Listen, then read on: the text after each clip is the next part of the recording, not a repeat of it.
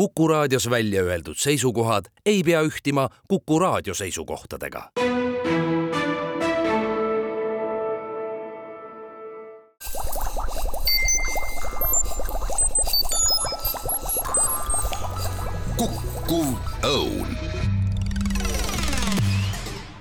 Head Kuku kuulajad,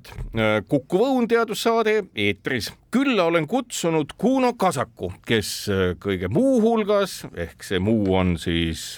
Tartu Ülikooli keskkonnatehnoloogia kaasprofessoriks olemine ja ettevõttes Single Earth kaasalöömine, mille kohta ma ka küsin, on saanud ka sel aastal Vabariigi Presidendi teaduspreemia. mina saatejuht Marek Strandberg ja tere, Kuno. tervitus. ma mõtlen praegu selle peale, et kogu see temaatika, mis nüüd tänasel päeval kannab siis eesti keeles nimetust süsinikupõllundus, iseenesest ju kogu selline märgalade ökosüsteemi kasutamine süsiniku sidumiseks, reovete puhastamiseks, no see on vist veel vanem temaatika maailmas kui nelikümmend aastat, võib-olla isegi viiskümmend aastat, oskad sa öelda, et see on ju väga pikka aega olnud sellise teadusliku uurimise fookuseks no võib öelda jah, et ütleme tehismärgal puhastite äh, uurimine kui selline äh, vee või reovee puhastamiseks algas juba viiekümnenda aastate alguses Saksamaal. aga noh, mida rohkem uurida, seda rohkem on äh, tulemusi, kuidas saada asja paremaks.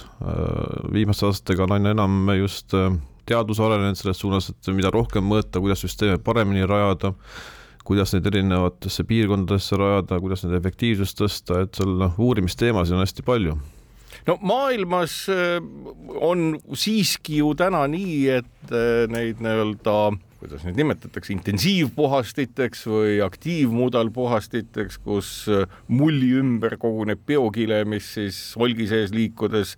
peaks ära sööma kõikvõimalikud reoained, et neid on ehitatud lõppkokkuvõttes ilmselt maailmas rohkem kui tehislikke siis selliseid looduslähedasi puhasteid et vaatamata sellele, et ju teada on, et, et looduslähedased puhastid toimivad üsna hästi, on lõppkokkuvõttes ikkagi need, kes keevitavad kokku rauda ja panevad sinna sisse pumpasid ja muid asju kuidagi peale jäänud. kuidas see nii läinud on? noh, nende ökoloogiliste puhastite peamine probleem on see, et äh, nad on üsna tundlikud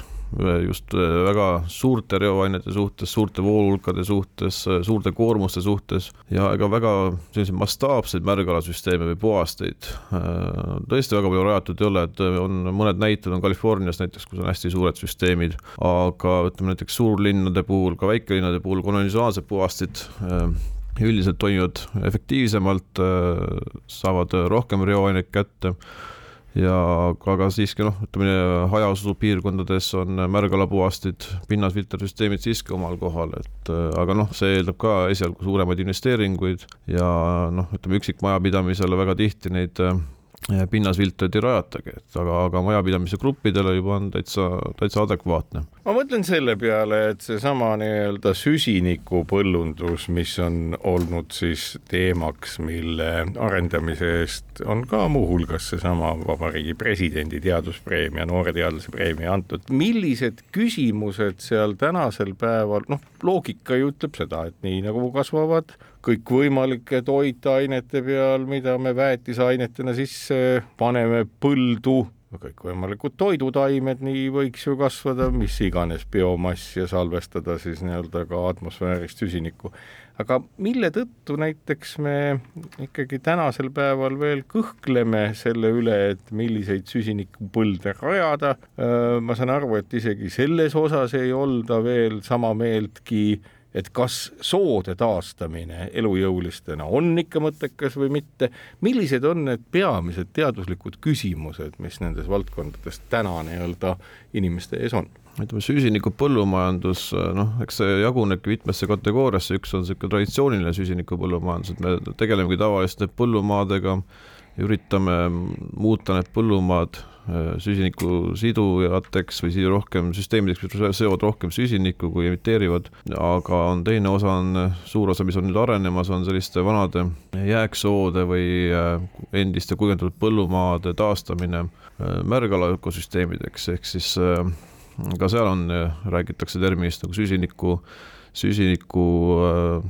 põllundus või carbon farming inglise keeles, et eesmärk on siis muuta sellised muidu väheproduktiivsed ökosüsteemid süsinikusidujateks, mis peamine tagasilöök enamik nende süsteemide puhul on see, et see taastamine võtab palju aega ja, ja nagu me mingi süsteemi märjaks teeme, veega üle ujutame, siis noh, kaasneb sellega tihtilugu kõrge metaani eraldumine. ja, ja kuna metaan on oluliselt kõrgem, kõrgema efektiivsusega kasvuhoonegaas kui süsinikdioksiid, siis läheb tavaliselt päris palju aega, enne kui sellised ökosüsteemid muutuvad äh, netokasvuhoonegaaside sidujateks, ehk siis nad talletavad rohkem gaase hoia- ja süsinikku, kui, kui emiteerivad. ja, ja seal osas on nüüd päris palju teadustöid üle maailma käimas, et kuidas seda protsessi kiirendada, sest noh, kui me, kui mingi soo või märgal on ära rikutud, siis selle taastumine võtab aega, aga meie eesmärk on leida lahendusi, kuidas see protsess võiks muutuda kiiremaks, et ei oleks näiteks, ei läheks aega sada aastat, enne kui soo muutub neto kasvuhoonegaasi sidujaks, vaid võib-olla läheks kakskümmend aastat näiteks. Nüüd tausta seletamiseks, kui me kujutame ette looduslikku sood, mille peal on siis nii-öelda ikkagi taimestik turbasammalt ja mida kõike seal veel ei kasva, aga see on pealt roheline, siis kuigi räägitakse väga palju soogaasidest, kas selline looduslik soov või raba on siis väga suur metaaniallikas või pigem vastupidi? turbarabad ei ole erilised eh, metaaniallikad. turbarab, mis meil Põhjamaades on, need on suhteliselt eh, väga väikse metaani, metaani lendumisega. kui me räägime muudest soodest, kus on muud veetaimed, näiteks hundinuiad, pillirood või mis iganes veeta-, suur, kõrgemad veetaimed makrofüütsed taimed, siis seal on just probleemiks kõrge metaani lendumine kui kujutada ette sedasama turberaba, mille kohta on ju ka teada nii Soomest kui Eestist, et kui seal turbekaevandust on harrastatud ja siis vaadata, et oh, et enam ei ole midagi teha,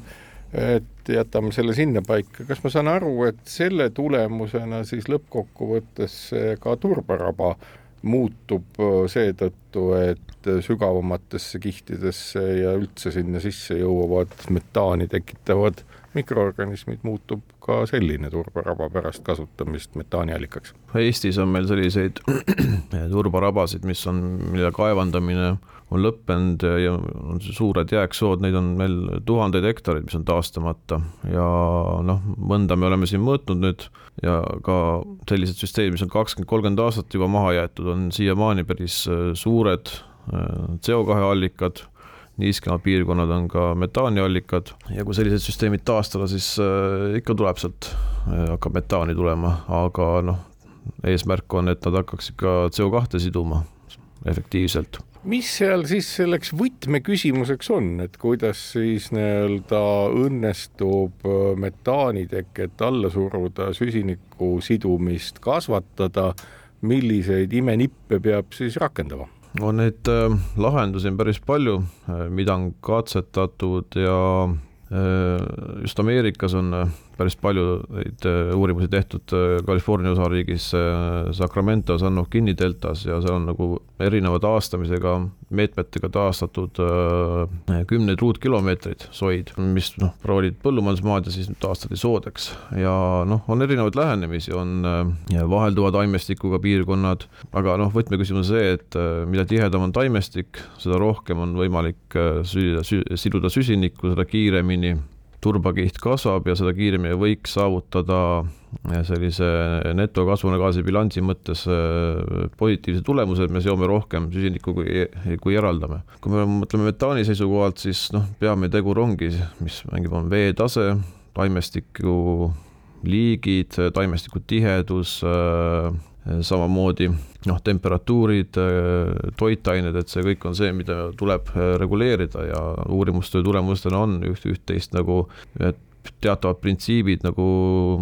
äh, selgeks saadud, kuidas nagu seda emissiooni saaks nagu veel vähendada, metaani lendumist, aga töö käib ka selles osas, et seda nagu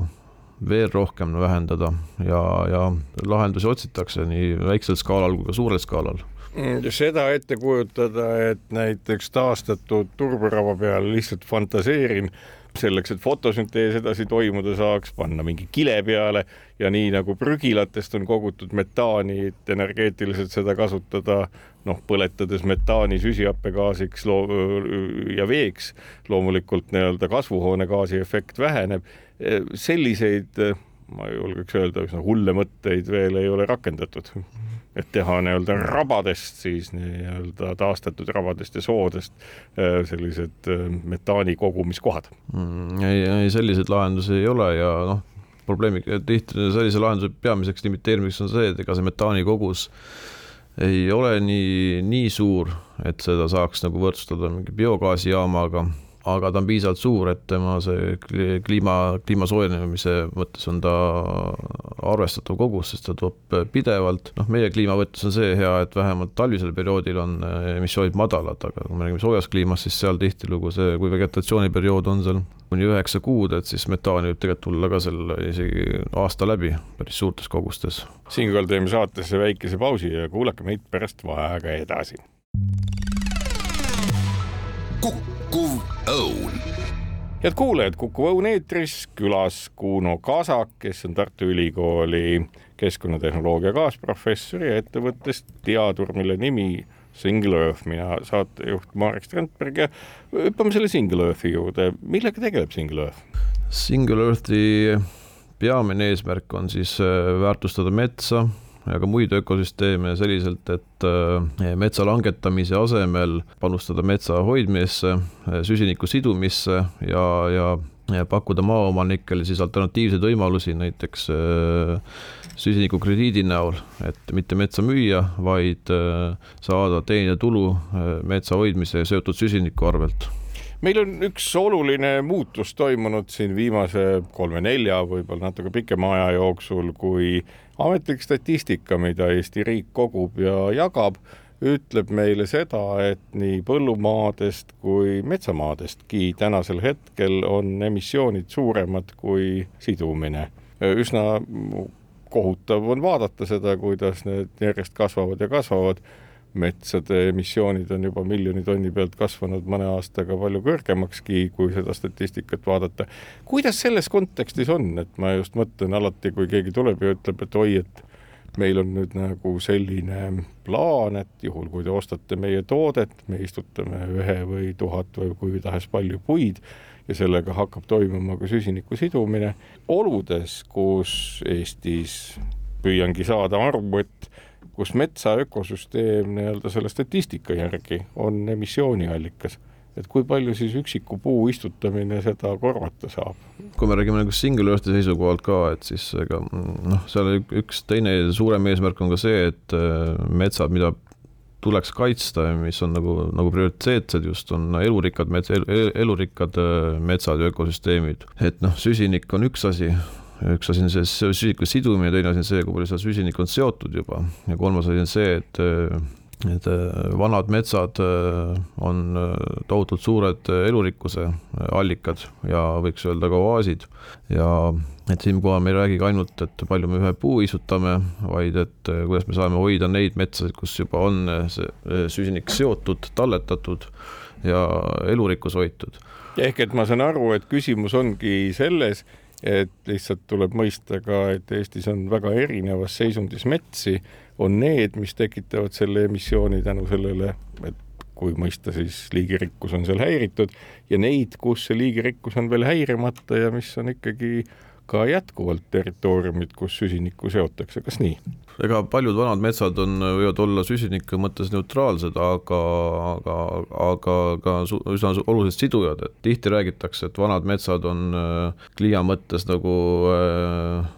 nagu pigem kahjulikud, emiteerivad CO2, aga noh, ka Ameerikas on tehtud palju üle ökosüsteemilisi uuringuid ja on ikkagi tõestatud, et ka vanad metsad on väga olulised süsiniku sidujad, et mm. muidugi noored metsad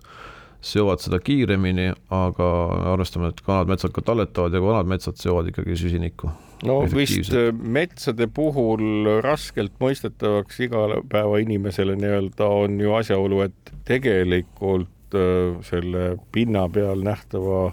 puude massi all on tohutu mulla juurt saarte ja seal elavate organismide ökosüsteem, mille süsinikumass võib olla kordades suurem kui see, mida me maa peal näeme. täpselt, jah kui suur see Eestis on, et äh, olen siin vaadanud mingeid pilte mm,, umbes kolmekordne mass, neljakordne meie vöötmes. kas Eestis on üldse tänasel hetkel püütud hinnata või hinnatud seda, et kui palju näiteks mõne põlismetsa all siis äh, kogu seda muud ökosüsteemi süsiniku mõttes on, kuhu see talletunud on aastasadade või isegi tuhandete jooksul atmosfäärist? ma metsade kohta ise konkreetselt nagu ei oskagi öelda, seda, seda, seda on uuritud, aga mingit kindlat numbrit ma praegu, praegu ei oska öelda. kuidas rabaga on või sooga, et äh, selles on ju vist niimoodi, et kuna ta toetub ikkagi vett mitte läbi laskva pinnase peale, siis kogu süsinik, mis seal on, ongi selles raba enda kihis ja ei kusagil mujal? no rabades on meil ikka palju, meil on ju väga mitme, mitmekesiseid äh, raba ökosüsteeme, kus turbakiht on seal meetrites ja isegi kaheksa-üheksa rohkem, rohkem meetrit, et äh, see on tohutus koguses süsinik, mis siin on seotud. nüüd, kui kujutame ette seda, noh, üks küsimus, mis paratamatult on, on see, et jaa, pealt võetakse turbarabast mingi hulk turvast ära, nii palju, kui ma olen aru saanud, sellise raba taastamine, et teha sellest uuesti edasikasvav ökosüsteem, on üsna keeruline. kas selles kontekstis siis näiteks, ja ma saan aru, et juhul, kui turbarabas on juba nii nagu Jüri Ott Salm uurides Eestimaa Looduse Fondis seda asja on tõlgendanud ja rääkinud, et kui turbarabas juba veekiht nagu on piisavalt kõikunud, siis ei ole mitte midagi muud teha, kui oodata, kuni bioloogiliselt see süsinik selle ära põleb nii-öelda, kas siis süsihappegaasiks või lagundatakse või muudetakse ta metaani. kas selles kontekstis näiteks sellise nii-öelda kord untsu keeratud turbarabas oleva turba äh, tööstuslik kasutamine, et tekiks nii-öelda uuesti selline tühi ala, mille peale võib uue soo rajada, omab mingit tähendust või mitte? Äh, omab ikka jah, lihtsalt et nende suurte freesturbaväljade, mis on ju ammendunud ja maha jäetud, nende taastamine on erakordselt keeruline protsess ja noh, ütleme tavalise kujundatud soo taastamine, kus ei ole väga, kus mastaabid on väikesed ja kus ei ole väga palju rikutud, nendega on üsna lihtne, aga kui me räägime nagu suurtest massiividest, mis on näiteks seal Lavassaare piirkonnas või Sangla piirkonnas, Võrtsjärve idakaldal, siis äh, seal on tuhandeid hektareid taastamist vajavaid äh, äh, soid ja noh, tihtilugu freesturbaväli jäetakse maha siis, kui sinna on alles jäänud veel mingi kiht sellist äh, turvast, kolmkümmend senti, viiskümmend senti, võib-olla natuke rohkem, mõne puhul veel vähem, aga noh, kui me seda maastikul ette kujutame, siis tegelikult see on nagu suur, selline suur kauss ja, ja kui ühel hetkel see vee pumpamine seal piirkonnas lõpetatakse, siis tihtilugu see ujutatakse põhjavee poolt üle ja siis tekivad sellised suured äh, väheproduktiivsed äh, järved, veekogud. millest see äh. väike produktiivsus, ma saan aru, et seal ei ela keegi, et kas see tuleneb asjaolust, et see jääks siiski niivõrd fenoolirohke, et sinna ei kipu sellist tavalist elu tekkimagi või? elu hakkab ikka tekkima, aga just nagu äärtest hakkab äh, taimestik äh, vaikselt liikuma, aga lihtsalt, et tihtilugu on seal toitaineid väga vähe ja taimestikul lihtsalt läheb aega, et seal areneda, lisaks noh, vähe, vähesed toitajaid on seal ka happeline pinnas. Ja noh, mis sobib muidugi turbasambla jaoks, aga kui meil on veekiht hästi kõrge, siis turbasambal äh, heal juhul hakkab kuskil äärtest kasvama, kus on väga niisugune no, madal ja niisked, niisked äh, piirkonnad, aga kõige muu taimestiku jaoks läheb seal äh, aastakümneid aega. No küsin veel seda, et ju teame tõsiasja, et meie põldudel tohutu hulk nii-öelda väetist leostub välja. kas ette kujutada seda, et nüüd selline suur-suur üle ujutatud freesturba, kasutatud freesturba ala öö, moodustub järv, mis juhtub siis hüpoteedisina, kui näiteks põllumajanduspiirkondadest leostub vesi kraavidega kokku koguda ja sinna suunata toitainetena mida selline järve ökosüsteem selle peale ütleks? noh, taolisi süsteeme on tehtud ka, et kui on mingi mahajäetud soo, et sinna siis äh, kasutatakse seda osaliselt ka sellise põllumajandusliku hajukoormuse äh, kinnipüüdmiseks ja, ja toitainete noh, kinnipüüdmiseks, salvestamiseks ja no ja teiste ökosüsteemide nagu kaitsmiseks liiktoitainete eest, siis üldiselt areneb sinna ikkagi kiiresti selline märgala kooslus, kuna tihtilugu põllumajanduse pealt tuleb meil palju lämmastikku, fosforit ja siis see on juba piisav selline kogus, mis võiks tavalise ökosüsteemi nii-öelda taastumist kiirendada. Ja selle tulemusena võiks ju oletada ka, et teine mure, mis meil põllumajandusega on, et kuna meie nii-öelda väike sisemeri, mille nimeks Läänemeri, et selle väetistest ja muudest põllumajanduslikest ainetest tekkiv koormus küllaltki suur, mis omakorda vähendab kalavarusid, et kas nii-öelda kusagil eksisteerib ka mingi selline tervikplaan, kus siis merereostuse, toitainete kanne merre ja seesama kalavarude taastumine oleks kuidagi nagu seotud, nii et mõistetaks ka vajadust, et selliste märgalade taastamine on iseenesest ka merede kaitse noh, märgala taastamine, kui sinna saab juhtida mm, põllumajanduslikku vett, siis on võimalik neid muidugi kaks ühes äh, rakendada. Äh, aga noh, lisaks taastamisele on päris palju rajatud ka selliseid äh, märgalapuhasteid, avaveelised äh, märgalapuhastid, mis näevadki välja nagu sood ja püüavad kinni päris suure osa põllumajandusmaalt tulevatest toitainetest. et noh, Eestis on väga palju neid sette basseini näiteid, mõned üksikud täismärgalade näited, aga Soomes on selliseid suuri märgalapuhasteid äh, rajatud väga palju juba ja kümneid aastaid juba põllumajanduskoormuse vähendamiseks merele. täpselt, jah. aga siin teeme saatesse pausi ja kuulake meid jälle pärast väikest vaheaega edasi.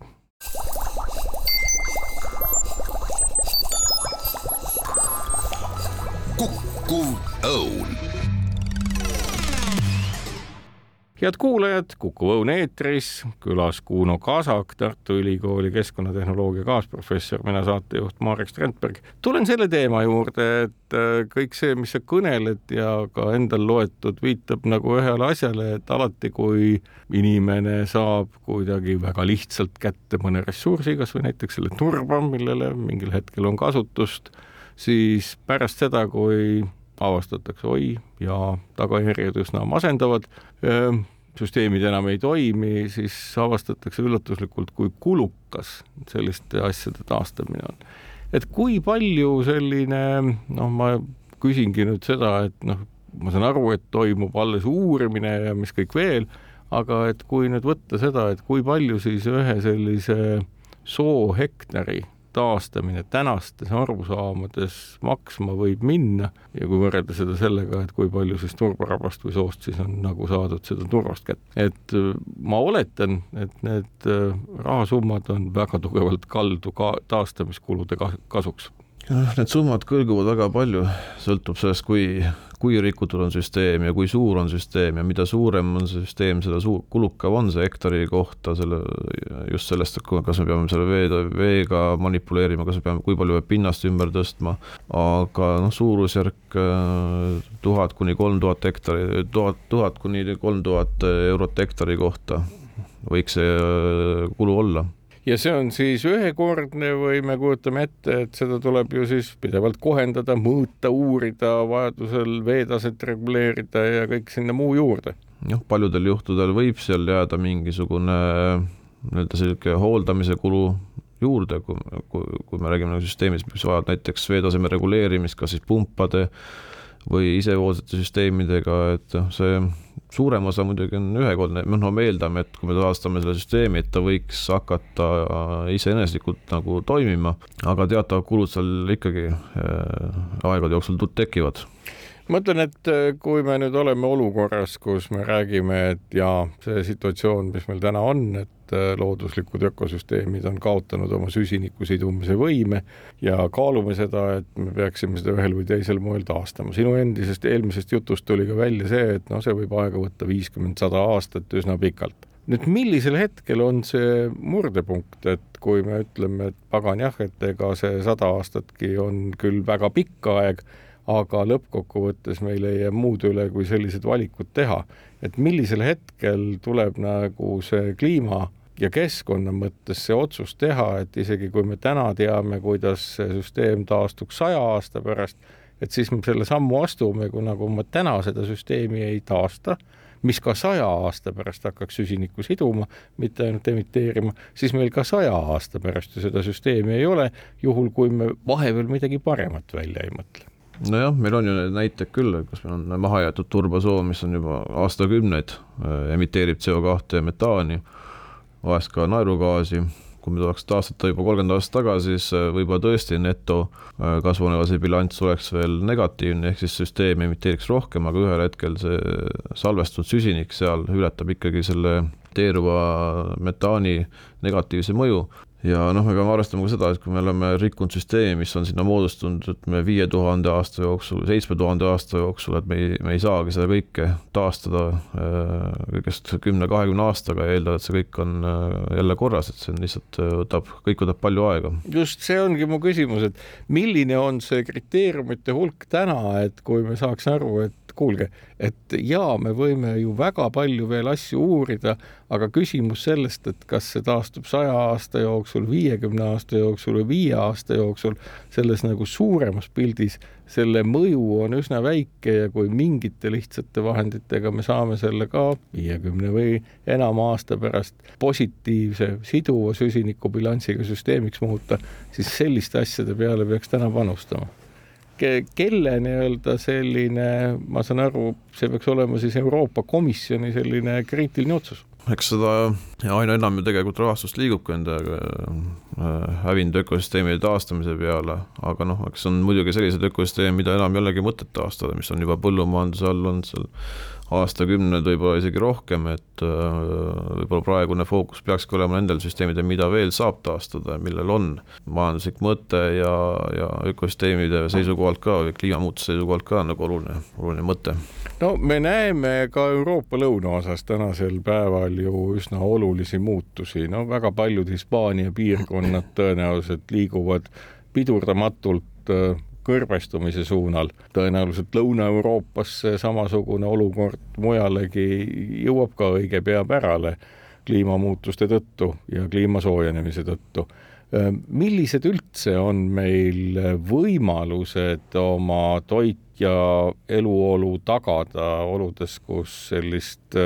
viljakat, mulda sisaldavat maad jääb aina vähemaks ja vähemaks? nojah, eks siin on äh põllumajandusega ongi selles mõttes keeruline, et mida lõuna poole läheme, seda keerulisemaks see põllumajandus läheb, et me oleme ka sel aastal näinud seda põua mõju ka Eesti põllumajanduses, kus saagikus on eeldatavalt langeb päris suurtes kogustes ja eks mingil määral ongi see, tuleb rohkem ringmajandusse panustada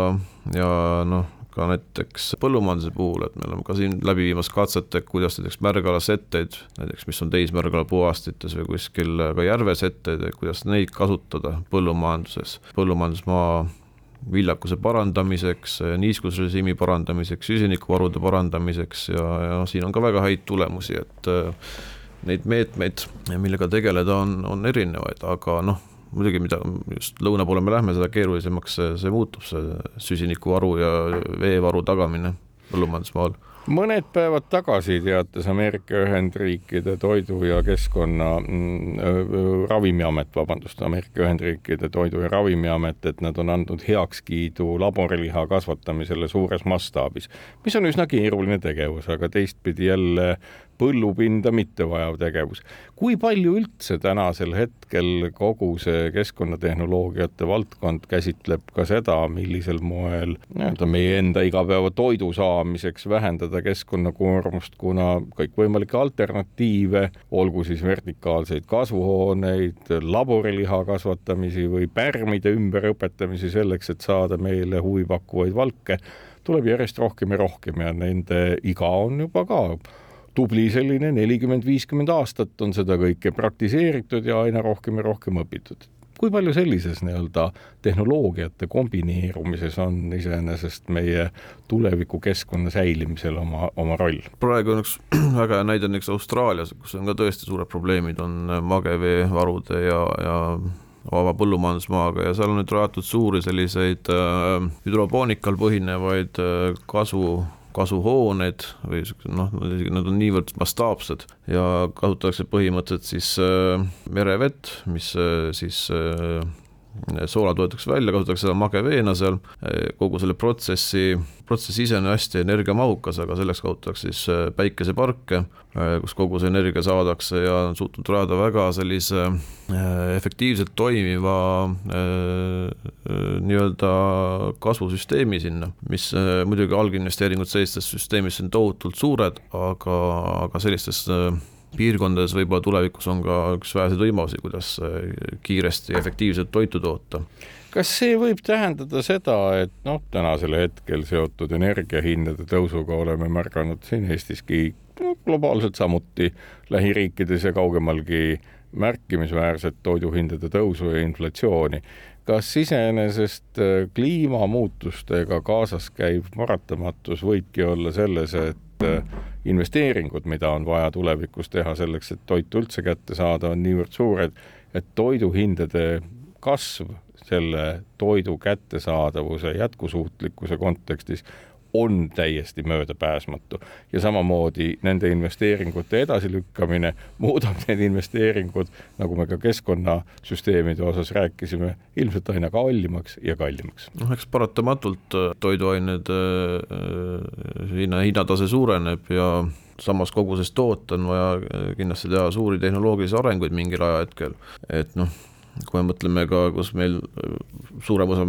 näiteks avokaadod ja pistaatsiad ja pistaatsiapähklid, mandlid tulevad, eks ole, Californiast, äh, Central Valley'st, siis tegelikult äh, kui palju sinna tegelikult kulutatakse magevett kogu selle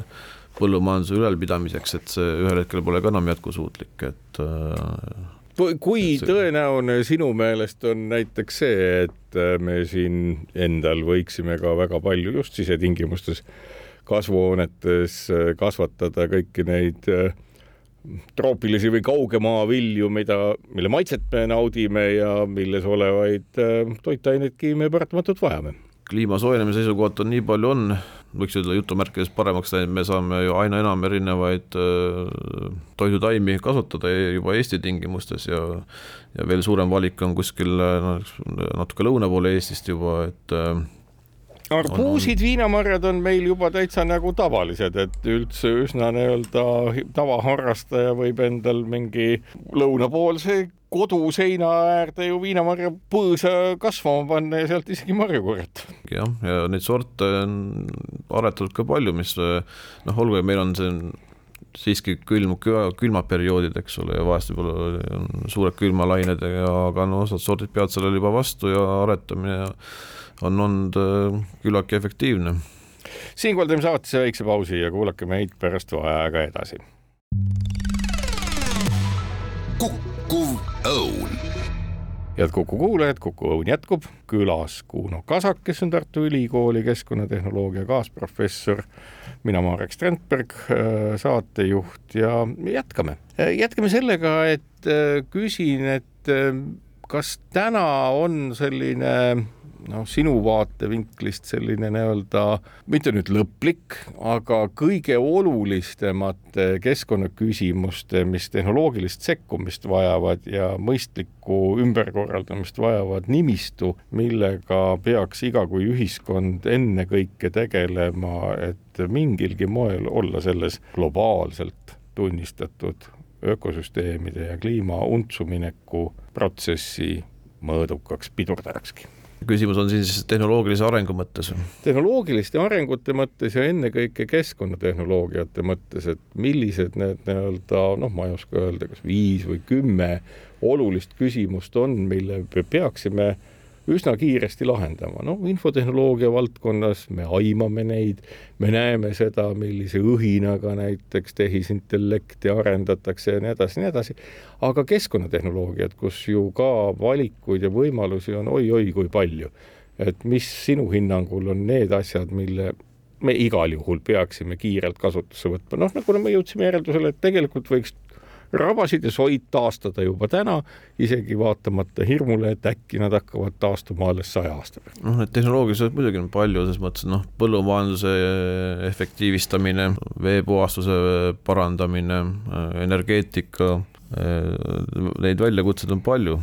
kuidas seda kõike paremaks saada ja noh, igal pool on tehtud ju viimaste kümnete aastaga väga palju, palju arenguhüppeid. nüüd üks asi veel, mis meid ju eelmise aasta detsembrikuust kõiki üllatas ühel või teisel moel, kui keelt analüüsides suudeti paika panna siis äh, suured äh, keelemudelid, äh, tekkis erinevate ettevõtete kõikvõimalikke tooteid ja kasutuskeskkondi, nagu näiteks OpenAI, chat-GPT ja ilmselt Google'i analoogsed asjad. tänasel hetkel on kõiki andmeanalüüse võimalik saada küll tasu eest jah, aga väga põhjalikul moel. Ma mõtlen nüüd, et nagu ka keskkonnaprotsessid, no ju mõnes mõttes on ka sellised üldised aegread, meenutavad võib-olla mingil määral ka keelt või mis iganes, raske öelda,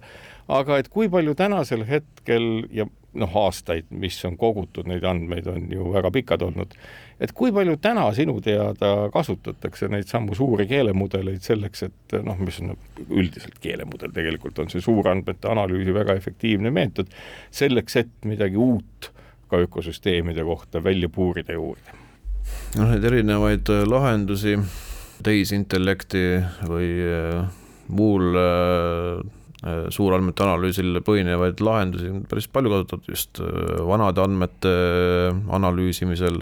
uute andmete analüüsimisel, suuremate aegridade modelleerimisel, uute mudelite rajamisel, et mida rohkem meil andmeid koguneb, seda rohkem neid uusi võimalusi tuleb ja tegelikult seda, seda tehakse väga palju juba. Tartus ka, ma just mõtlen seda, et Ülo Mander, kes on vist nii palju, kui mina teda mäletan, kogu aeg enam-vähem ju neid samu andmeid kogunud nagu kogu kõnealuse temaatikaga tegelev uurimisgrupp Tartuski et kas nende andmetega on plaanis ka midagi samasugust teha või te juba teetegi? noh, jooksvalt ikka tehakse jah, et vanade andmete või pikkade aegridade analüüsimine käib pidevalt ja mida pikem on aegrida, seda suurem väärtus sellel on tegelikult, et kas sealt on ka midagi sellist tavatut välja tulnud, et kus on esialgu tõlgendatud asju ühtepidi ja nüüd ohoo, hoopis teistmoodi, kui analüüsivahendid põhjalikumad? Noh, see sõltub veel äh, sellest, et mis, äh, mida täpselt on uuritud ja mida mõõd-, mida on mõõdetud ja mida analüüsitud, aga noh, kui me räägime ka süsiniku sidumise trajektooridest, näiteks kui tuleme tagasi märgalade juurde, siis äh, lühikesed andmeread näitavad jah, meile mingeid kindlaid suundumusi, mis võib-olla ei pruugi nii olla, aga kui meil on juba pikemad andmeread, siis on võimalik rakendada erinevaid keerukaid mudeleid, et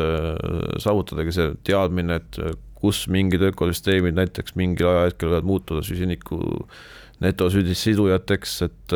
noh, see kõik on see, mida me kogume ja analüüsime nii Eestis kui ka siis noh, kasutame ka globaalseid andmeid. me liigume mõnes mõttes sellise noh, hüpoteetilise meeleheite olukorra poole, no mitte, et nüüd kõik oleks paanikas, aga meeleheide seotult sellega, et no mingil hetkel tekib arusaam, et me peame väga-väga ruttu kõikvõimalikud tehnilised lahendused kasutusse võtma, et seda süsinikubilanssi kuidagimoodi korrigeerida, see on vähemalt tundub olevat selline vajadus, millest on aru saadud. nüüd meetodite mõttes eelmise aasta vist kevade poole kinnitas Ameerika Ühendriikide president ja kongresski seda, et hakatakse katsetama nii-öelda ulatuslikult kõikvõimalike geoinseneeria võtetega, noh, millisel moel siis, kas kusagil Lõunameres vetikate kasvu soodustada või valguse pääsu maale erinevate aerosoolidega. kuidas üldse sellistesse tehnoloogiatesse suhtuda, mis on ju väga vastukäivad mõnes mõttes, mõnes mõttes enam-vähem samasugused nagu ka turba kaevandamine, mille tagajärgi me ei teadnud, kuid ometi kaevandamiseni, kaevandamiseni me jõudsime. kas sellist eh, kliimainseneeria ja keskkonnainseneeria ja maainseneeria küsimustes on täna ökoloogid ja teadlased sama meelt või ongi see koht, kus vaidlusi väga palju? noh, seal on neid meetmed, mida Ameerikas rakendatakse, on väga palju erinevaid, mida uuritakse ja, ja mõned on no, muidugi tõepoolest võivad vastuolulised, aga Ameerikas on väga palju asju, kuidas seda just seda süsiniku mõttes äh, üritatakse uusi lahendusi leida ja näiteks mõned aastad tagasi sai näiteks CRISPR-i tehnoloogia, geenmuundamise tehnoloogias äh, Nobeli preemia ja anti välja Nobeli preemia ja see, see, see metoodika on nüüd äh, päris jõudsalt Ameerikas nagu toimub arendamine, et geenmuundada siis neid erinevaid põllukultuure näiteks, et, et oleksid võimelised rohkem võtma, siduma atmosfäärist süsinikku ja seda talletama pinnases, et. Ähm, küsin kohe vahele, et meie ju geeniteadlased ka väga tublid ja head, et kui palju näiteks Tartus äh, seesama Nobeli CRISPR tehnoloogia ja seonduvad veel, mis on ju edasi arenenudki, äh, uuritakse seda, kuidas taimed paremini süsinikku seoksid äh, ja kas sellist taimearetust me Tartus hakkame nägema õige pea või veel mitte? ma arvan, et praegu konkreetselt äh, veel ei näe, mina loodan, et tulevikus võiks seda näha, et noh, kui praegu Ameerikas CRISPR-i baasil on äh, peamine fookus on põllukultuurid, siis tegelikult äh, teoreetiliselt võiks olla sellega võimalik ka muundada teisi taimi selliselt, et see süsiniku sidumine ja talletamine võiks olla efektiivsem ja seeläbi võiks süsteemide taastamine ka muutuda kiiremaks aga noh, see on praegu niisugune osaliselt teoreetilisem maailmas veel. ega sa äkki ei tea, et kunagi ju ka Nobeli rahupreemia saanud ja rohelise revolutsiooni esile kutsunud Ameerika õpetlane Norman Borlaug ennustas vist, ma ei mäleta, mis aastal ta selle preemia sai, ikkagi kümneid ja kümneid aastaid tagasi, aga oma selles Nobeli kõnes ta ütles, et jaa, et umbes üheksakümne esimesel või nii aastatel võiks olemas olla juba see, et taimed on suutelised õhust lämmastikku ise siduma kuni sada kilogrammi hektari kohta. sinna me jõudnud veel ei ole, et oleks lämmastikubakterid õpetanud äh, taimedega nii läbi saama, et iga kui põllukultuur ise oma lämmastikuvajadusega toime tuleks. iga põllukultuur konkreetselt ei saa jah, aga need lämmastikku siduvaid taimi on meil põllumajanduses palju tegelikult kasutuses, nii et aga tõesti neid ei ole aretatud ja sellised, konkreetselt iga taim ise seob oma lämmastikku seal. ma mõtlen, et kas see nii-öelda hirm geenitehnoloogia ees, mis kunagi võib-olla oli põhjendatud asjaolu tõttu, et et äh, Monsanto ja kes nad iganes olid, suutsid nii-öelda tekitada mürkide suhtes tundetuid taimi ja mürkide kasutamine kasvas selle tõttu. kas tänasel hetkel see nii-öelda hirm või stigma geenitehnoloogia rakendamise ees on samast ajast pärit? Eks seda hirmu ikka kuigi palju on ja mina, mina isiklikult olen äh, üsna suurelt pooldanud nagu seda, seda, seda, seda, selle temaatika arendamist ja, ja ja no kui me mõtleme ka äh, kogu selle noh, põllumajanduse peale, meil on äh, väga palju inimesi planeedil, keda on vaja toita ja. kaheksa miljardit, kaheksa miljardit. jah, et äh, tavapärastele põllumajandusvõtetega on väga raske seda toiduvaru tagada ja, ja see on no. vist üsna kohutav, seitsekümmend või enamgi protsenti maismaast, mis midagi kannatab ja kus midagi teha saab, on täna hetkel ju põllukultuuride all põllumajanduse all on väga palju ja noh, kui me mõtleme ka ökosüsteemide, kui palju ökosüsteeme hävitatakse just põllukultuuride tarbeks, siis see on, numbrid on hirmsad, jah. aitäh, Kuno Kasak, et said tulla Kukkuvasse õuna kõnelema nii ökosüsteemidest kui võimalikust tulevikust sellega seonduvalt. sellega on Kukuva õuna saade läbi. kuulake meid jälle täpselt nädala pärast ja kaunist päeva teile